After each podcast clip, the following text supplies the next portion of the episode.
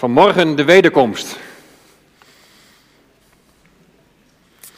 Ik wil met jullie eh, lezen uit Matthäus 24, zoals aangegeven staat, vers 23 tot en met 31. Matthäus 24, vers 23 tot 31. Het is altijd goed om zelf je Bijbel mee te nemen en mee te lezen, maar je kunt ook meelezen vanaf het scherm. En laat de woorden echt binnenkomen in je hart. Want als we de Bijbel openen en als we uit het woord van God lezen, dan spreekt God.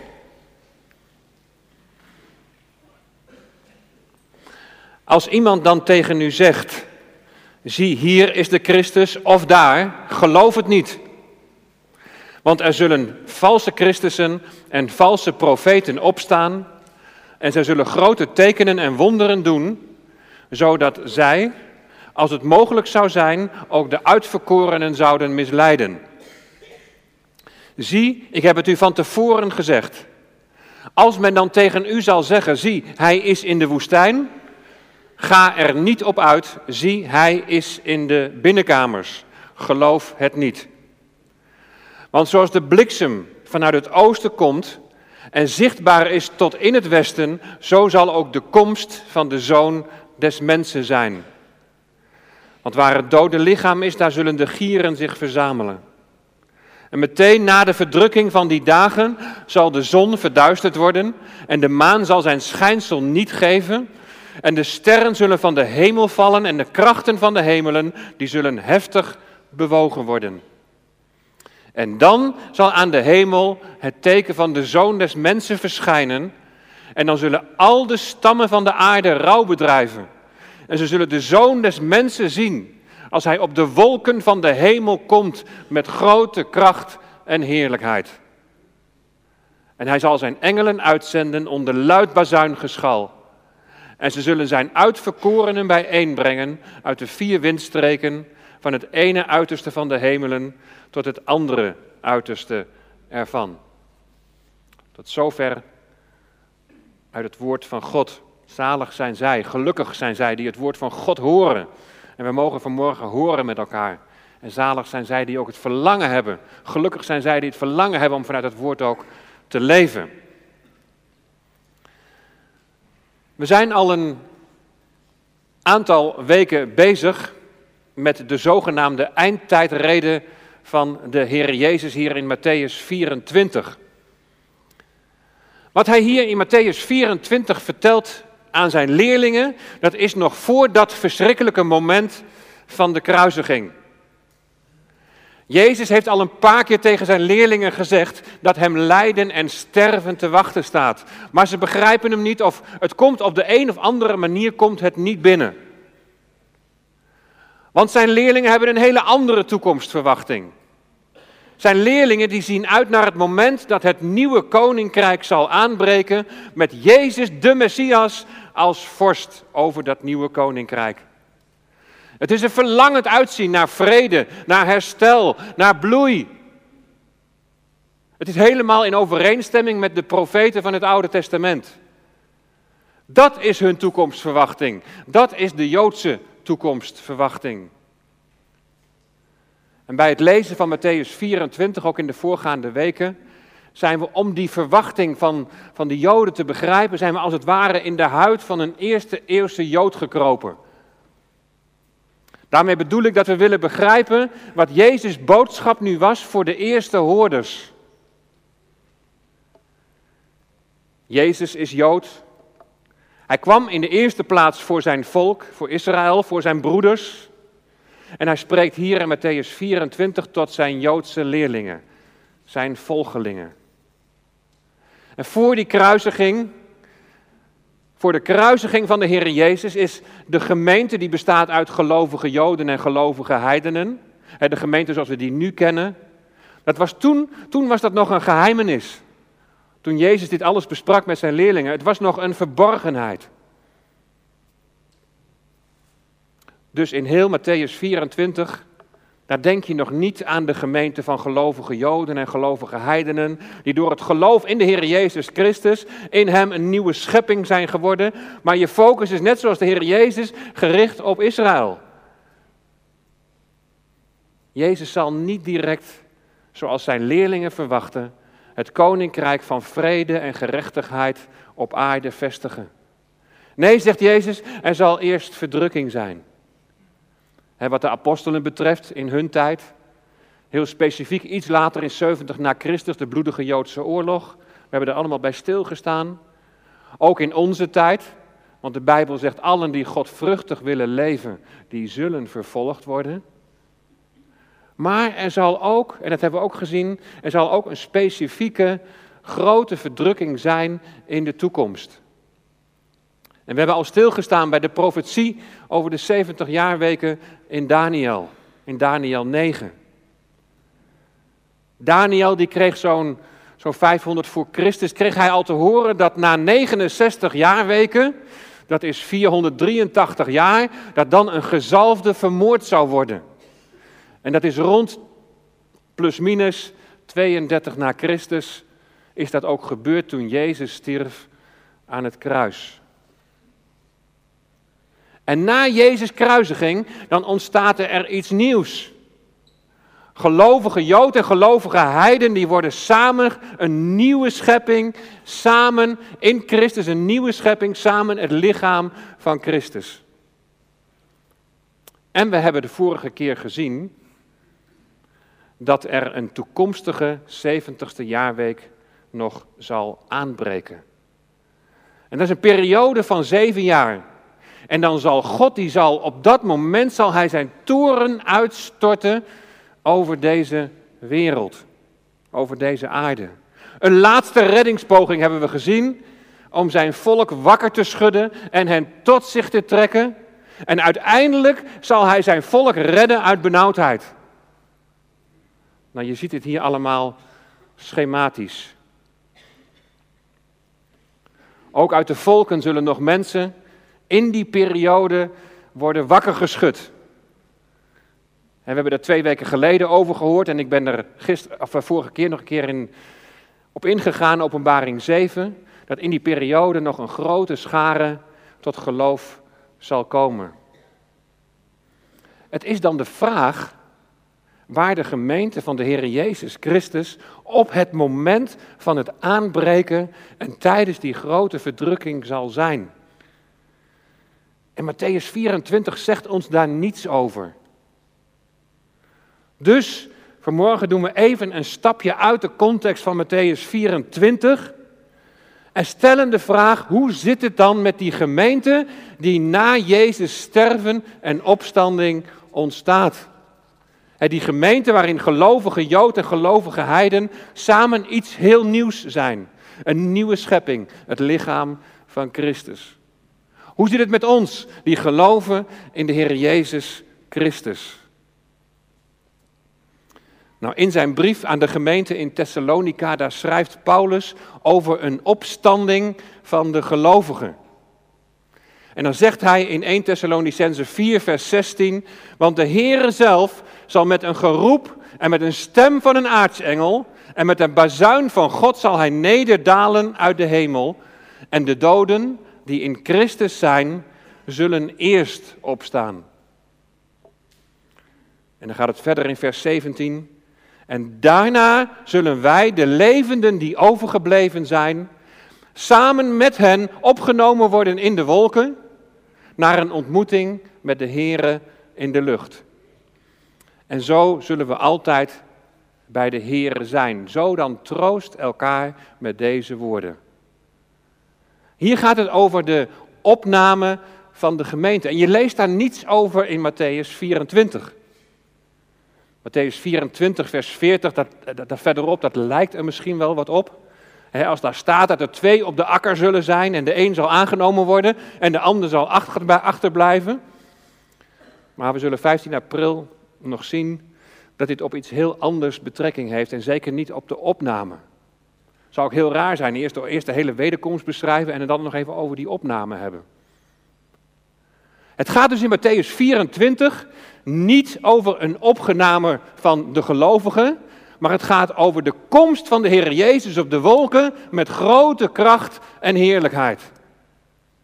Hoe zit het dan met die opname en, en wanneer zal dat dan zijn? voor het woord opname staat in het Grieks harpazo. En dat betekent naast opname ook snel wegnemen. Haastig grijpen. Het gaat om een snelle beweging. De Heer die zijn gemeente haastig wegneemt. Wegneemt van deze aarde. Nou, wanneer zal dat moment zijn? Nou, zoals we de vorige keer al bij de grote verdrukking hebben gezien, dat er drie visies zijn op de grote verdrukking, zal het u niet verbazen dat er ook met betrekking tot de opname van de gemeente in hoofdlijnen dan, dat er drie verschillende visies zijn. Er zijn mensen die zeggen dat alle gelovigen die bij het aanbreken van die verdrukking hier op aarde, dat die ook door die verdrukking heen zullen moeten gaan. Zij geloven dus dat de opname en de wederkomst één moment zal zijn. Dat heeft te maken met het volgende. In 1 Thessalonicense 4, daar staat dat de gelovigen worden opgenomen. En dan staat er na een ontmoeting met de Here in de lucht. En wij moeten ook qua taal en qua cultuur moeten we een hele stap maken van wat wordt hier nou eigenlijk precies bedoeld. Want als je dat Griekse woord wat daar staat voor ontmoeting goed bekijkt en je gaat het plaatsen helemaal in die Grieks-Romeinse context van toen, dan is het een uitdrukking die werd gebruikt voor het verlaten van de stad, om een vorst te verwelkomen en hem te vergezellen vervolgens weer de stad in. Dus dan zou opname en wederkomst zou eigenlijk één moment zijn. Direct op elkaar volgend. De consequentie daarvan is dus dat de gemeente door die tijd van grote verdrukking zal gaan. Vaak wordt in deze visie dan de grote verdrukking ook gezien als iets van alle tijden. En niet een specifieke periode van zeven jaar. Nou, dat is de eerste visie. De tweede visie en een tekst die daar gebruikt wordt om aan te tonen dat de gemeente tijdens die verdrukking wordt opgenomen. Dat is Openbaring 3, vers 10. Daar staat namelijk, omdat u het woord van mijn volharding hebt bewaard, zal ook ik u bewaren voor het uur van de verzoeking, die over heel de wereld komen zal, om hen die op de aarde wonen te verzoeken. Deze tekst die wordt ook gebruikt door degenen die geloven dat de gemeente voor die verdrukking wordt opgenomen. Want hier staat zo heel duidelijk het woordje voor. Maar in het Grieks staat er ek. En ek betekent uit of van tussenuit. Vandaar bewaard worden vanuit die grote verdrukking. En degenen die deze visie volgen, die gaan er vaak van uit dat dat dan precies op de helft van die verdrukking zal zijn, na drieënhalf jaar. Net voordat die echte grote verdrukking echt losbarst, zou de gemeente dan worden opgenomen. De vraag is of je deze belofte, die gericht is aan de gemeente in Philadelphia, of je die zomaar kunt betrekken op de wereldwijde gemeente van Jezus Christus. En er is ook taalkundig, is er, is nog wel een voorbeeld van een andere tekst in de Bijbel waarin ook dat woordje voor wordt gebruikt in plaats van vanuit. Dus ja, de derde visie is de opname van de gemeente voor de grote verdrukking. Nou, we hebben de vorige keer gezien in Openbaring 6, vers 17, dat die grote verdrukking, dat dat de grote dag van Gods toren is. En dat de vraag is, wie zal dan staande blijven? De gedachte bij deze visie is dat de gelovigen worden opgenomen voor de grote verdrukking, voor de uitstorting van Gods toren. En dat wordt dan onderbouwd met het feit dat de gelovigen niet meer onder Gods toren zijn. En je kunt dat lezen in Romeinen 5, vers 9. Veel meer dan zullen wij, nu wij gerechtvaardigd zijn door zijn bloed, door hem behouden worden van de toren. Als de grote verdrukking een, een tijd van Gods toren is, hoe kan de gemeente daar dan nog iets mee te maken krijgen, is dan de vraag. Vandaar de visie, de opname voor de grote verdrukking. Nou, het verwijt dat wel eens aan deze visie wordt gemaakt, is dat je als gelovige dan niet voorbereid wordt op een tijd van verdrukking. Want mocht je het toch mis hebben en je toch door die, door die grote verdrukking moet, dan ben je daar niet op voorbereid. Maar ik heb al gezegd, ik denk dat wij als gelovigen altijd en immer voorbereid moeten zijn op verdrukking. Ik heb de tekst al aangehaald uit 2 Timotheus 3, vers 12. Ook allen die godvruchtig willen leven, die zullen vervolgd worden. Maar het gaat hier in die grote verdrukking dus over een andere verdrukking. Gods toren, zijn oordeel. En dan is er nog iets. Als je gelooft dat je wordt opgenomen voor de grote verdrukking, dan kan die opname dus elk moment zijn. Dan hoeft er geen enkele profetie meer in vervulling te gaan. Dan zou de Heer Jezus vandaag kunnen komen. Dan zou Hij nu, op dit moment, kunnen komen.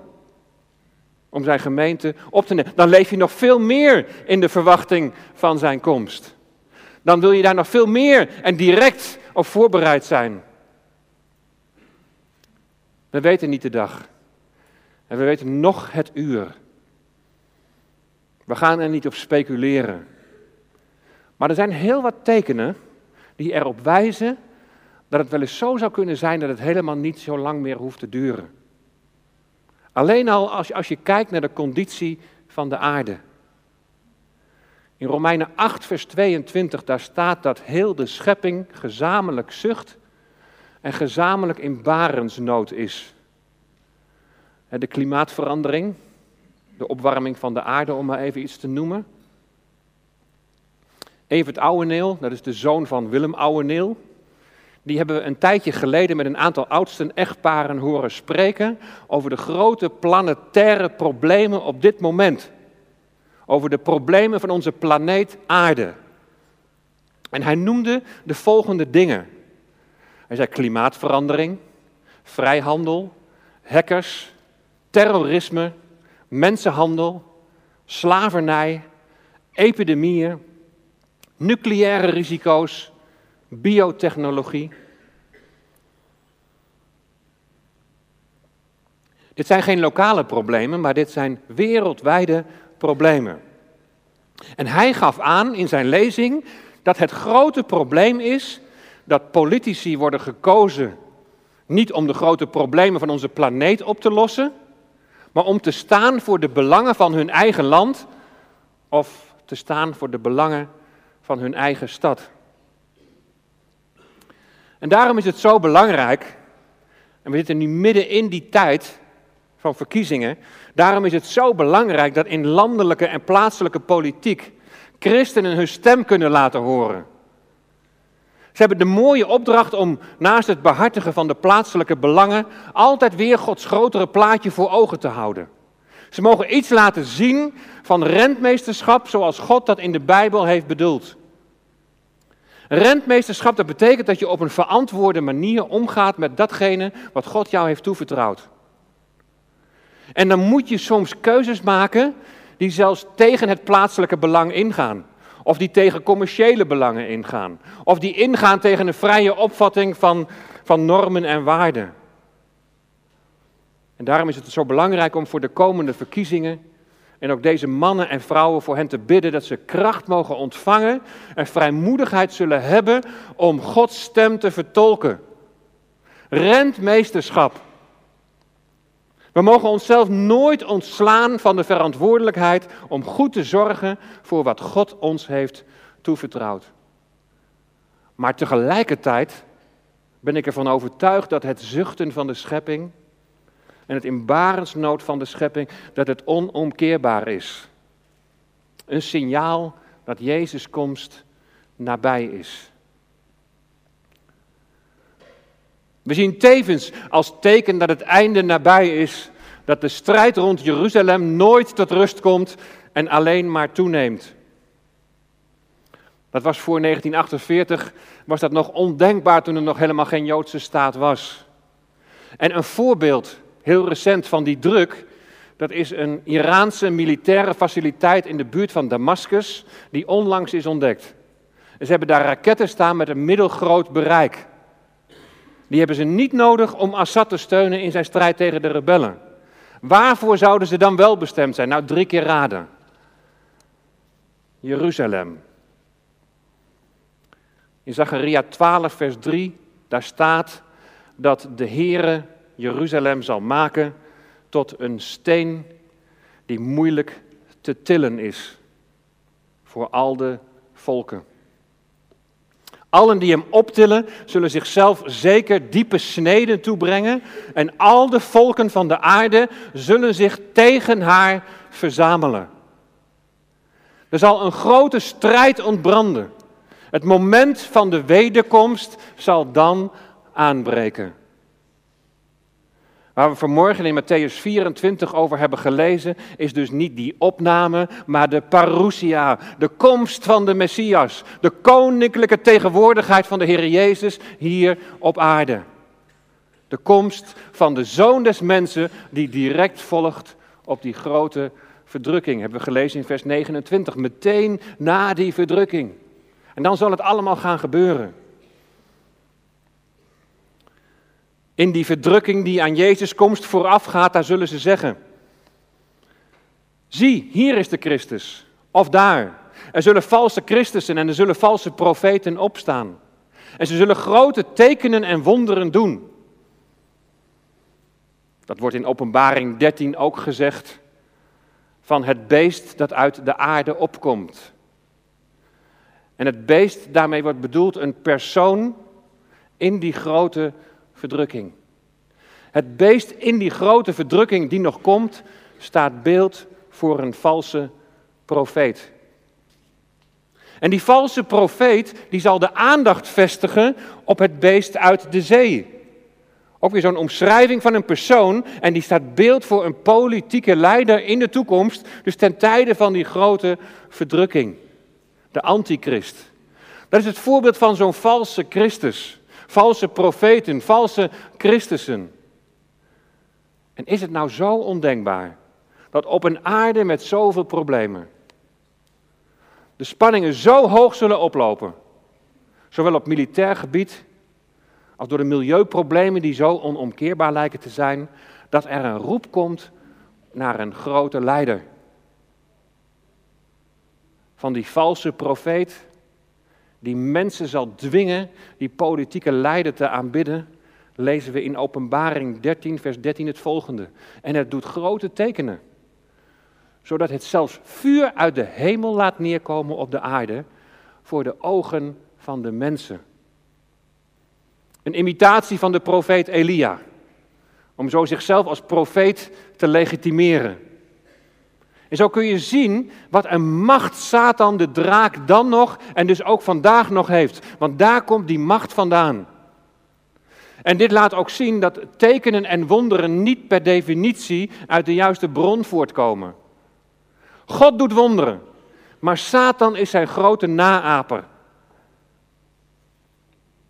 In 2 Thessalonicense 2 wordt gesproken van een wetteloze die ook nog geopenbaard zal worden, die nog zal komen. En je ziet diezelfde overeenkomst met wonderen en tekenen. Daar staat zijn komst is overeenkomstig de werking van de Satan. En gaat gepaard met allerlei kracht, tekenen en wonderen van de leugen. Hoe kan het volk de ware Messias herkennen? Als ze zeggen, zie, hij is in de woestijn, ga er niet op uit. De woestijn was vaak de plaats waar profeten en verzetsleiders een aanhang om zich heen verzamelden. Als ze zeggen, zie, hij is in de binnenkamers, geloof het niet.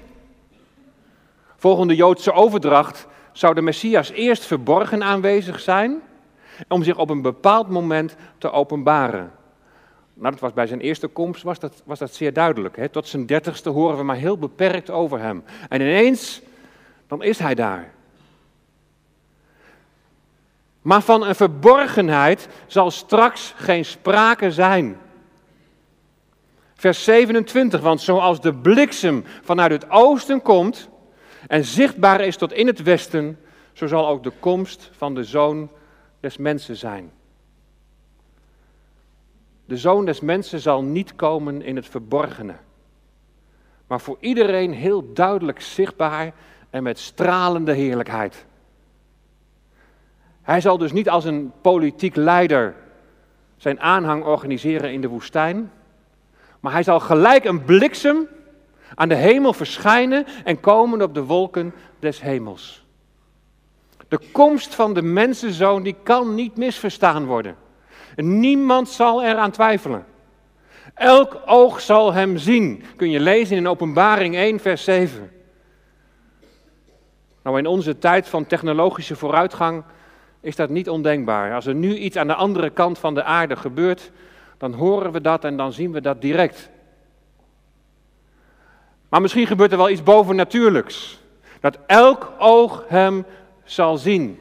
Jezus zal komen op de wolken van de hemel. Zichtbaar in Israël, zichtbaar in Nederland, zichtbaar in Thailand, zichtbaar in Noord-Korea, zichtbaar in de Verenigde Staten. Het was bij zijn hemelvaart al beloofd. Die van u opgenomen is naar de hemel, zal op dezelfde wijze weerkomen als u hem naar de hemel hebt zien gaan. Uitzien naar de komst van de Heer Jezus. Het teken van de zoon des mensen, dat zal aan de hemel verschijnen. Er wordt ons niet verteld wat dat teken nou zal zijn. In de vroege kerk dachten ze aan het kruis. In de Joodse traditie gaat men op grond van Jesaja 60 vers 1 gaat ze, gaan ze uit van een lichtverschijnsel. Daar staat namelijk in Jesaja 60 vers 1, sta op, word verlicht, want uw licht komt en de heerlijkheid van de Heere gaat over u op. Maar niemand zal ook maar één moment twijfelen dat het de Messias is die op dat moment arriveert. Dat zie je wel aan de reactie van de mensen. Alle stammen van de aarde zullen rouw bedrijven. Als je in 1 Thessalonicense 4 leest over de opname van de gemeente, van de gelovigen, dan lees je helemaal niet over die apocalyptische beelden van de zon die verduisterd zal worden, of dat de maan zijn schijnsel niet zal geven, dat de sterren van de hemel zullen vallen. Je leest niet over de hevige strijd die dan zal losbarsten. En als je leest over de wederkomst, is dat heel anders. In Zacharia 14, vers 3, daar lees je dat de Heere zal uittrekken tegen de heidenvolken hij zal tegen hen strijden die zich richten tegen Jeruzalem. In Zachariah 14, vers 4 staat: Op die dag zullen zijn voeten staan op de olijfberg die voor Jeruzalem ligt, ten oosten ervan. En dan zal de olijfberg, die zal in tweeën gespleten worden naar het oosten en naar het westen. De scheur in de aardkorst die ligt er al. Onze gids tijdens onze reis naar Israël, die zei al, de Heere God hoeft alleen nog maar een klein zetje te geven. Waar in 1 Thessalonicense 4 in relatie tot de opname van de gemeente vertroostende woorden worden gesproken. We zullen voor altijd bij de Heere zijn, vertroost elkaar dan met deze woorden. Dan zien we bij de dag van de wederkomst, zien we een dag van strijd en van oordeel. Ze zullen de zoon des mensen zien als hij op de wolken van de hemel komt met grote kracht en heerlijkheid. Jezus komt om zijn volk te redden, om Jeruzalem te bevrijden. Ik haalde al even Zacharia 14 aan en daar staat in vers 9: De Heere zal koning worden over heel de aarde. Als wij zingen Jezus is koning, dan mogen we dat zingen in die zin dat hij koning is van ons hart. Maar hij zal zijn koningschap nog gaan vestigen hier op deze aarde. De Heere zal koning worden over heel de aarde. Op die dag zal de Heere de enige zijn en zijn naam de enige. In vers 12 staat dat hij al de volken zal treffen die tegen Jeruzalem hebben gestreden. Maar als je leest wat er dan gaat gebeuren, nou als dat een tv-programma zou zijn, dan zou erbij staan 16 plus. 16 jaar en ouder. Want daar staat namelijk, hij zal ieders vlees, terwijl hij nog op zijn voeten staat, doen wegteren. De ogen van allen zullen wegteren in hun kassen en de tong van allen zal wegteren in hun mond. Dat is wat er gebeurt als je Gods oogappel aanraakt. Jezus komt hij zal koning zijn. Matthäus 24, vers 30. Al de stammen van de aarde die zullen rouw bedrijven. Precies zoals ook in Zacharia 12, vers 10 staat. Ze zullen mij aanschouwen die zij doorstoken hebben. Ze zullen over hem rouw bedrijven als met een rouwklacht over een enig kind. En ze zullen over hem bitter klagen, zoals men bitter klaagt over een eerstgeborene. Precies hetzelfde lezen we in Openbaring 1, vers 7. Zie, hij komt met de wolken, elk oog zal hem zien, ook zij die hem doorstoken hebben, en alle stammen van de aarde zullen rouw over hem bedrijven. Ja, amen. Zal het weeklagen van alle stammen van de aarde, zal het een rouwe zijn om de dood van de Messias 2000 jaar geleden? Een rouwe om de misvatting van toen. Hij was het toch. Of zal het een weeklagen, een uiting zijn van wanhoop om hun lot in het aanstaande oordeel dat zal komen?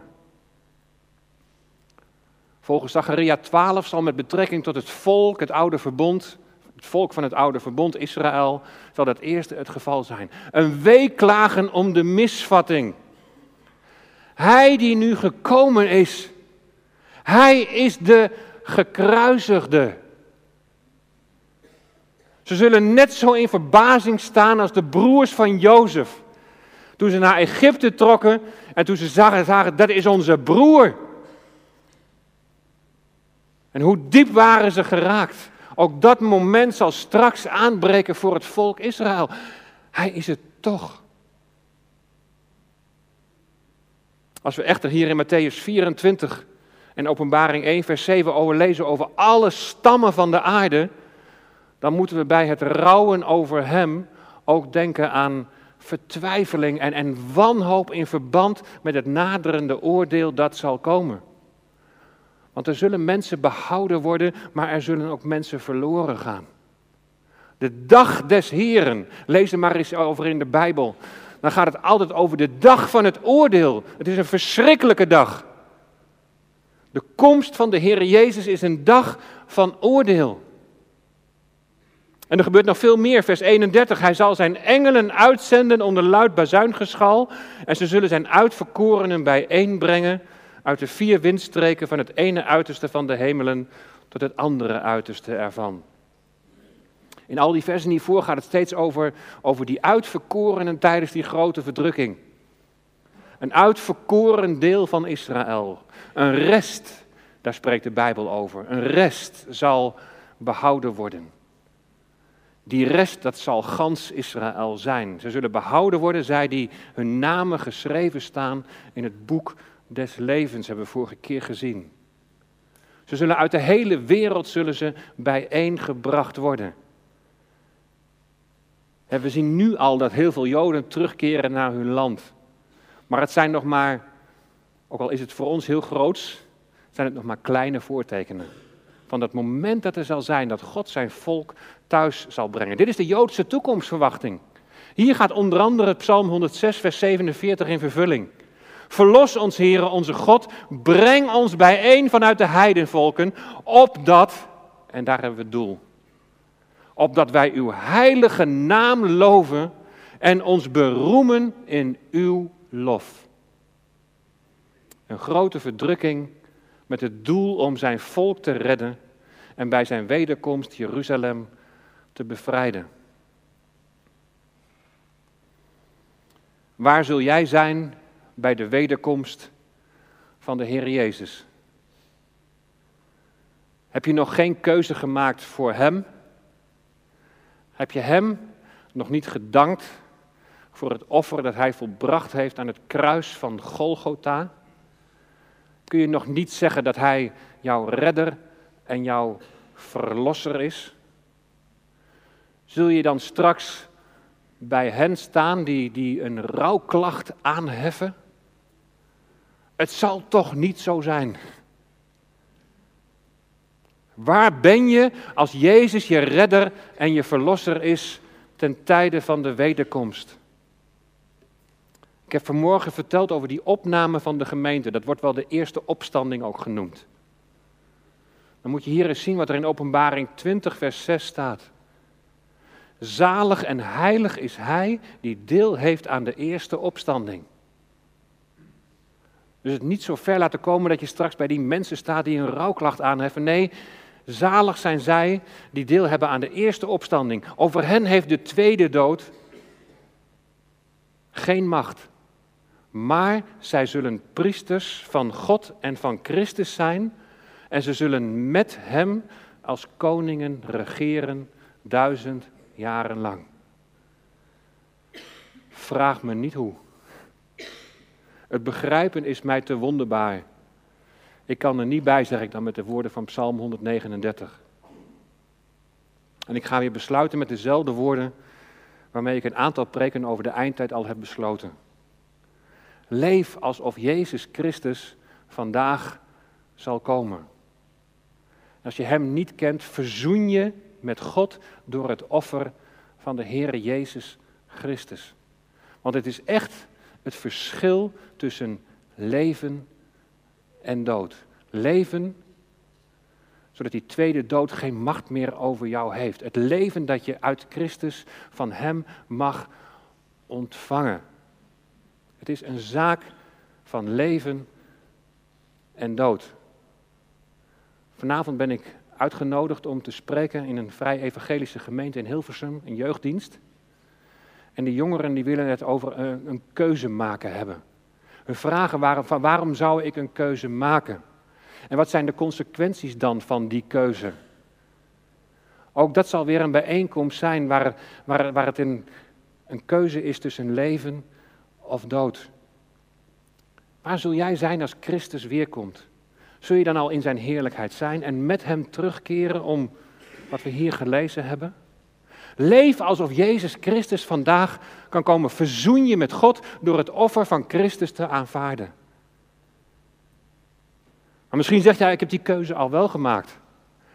Maar als ik kijk van hoe ik in het leven sta, en dan leef ik eigenlijk zo oppervlakkig, leef ik nog echt in die verwachting van zijn komst? Leef ik echt met Hem? Leef ik tot eer van Hem? Laat God je helpen door Zijn Heilige Geest die in je woont. Dat je je leven mag toewijden aan Hem.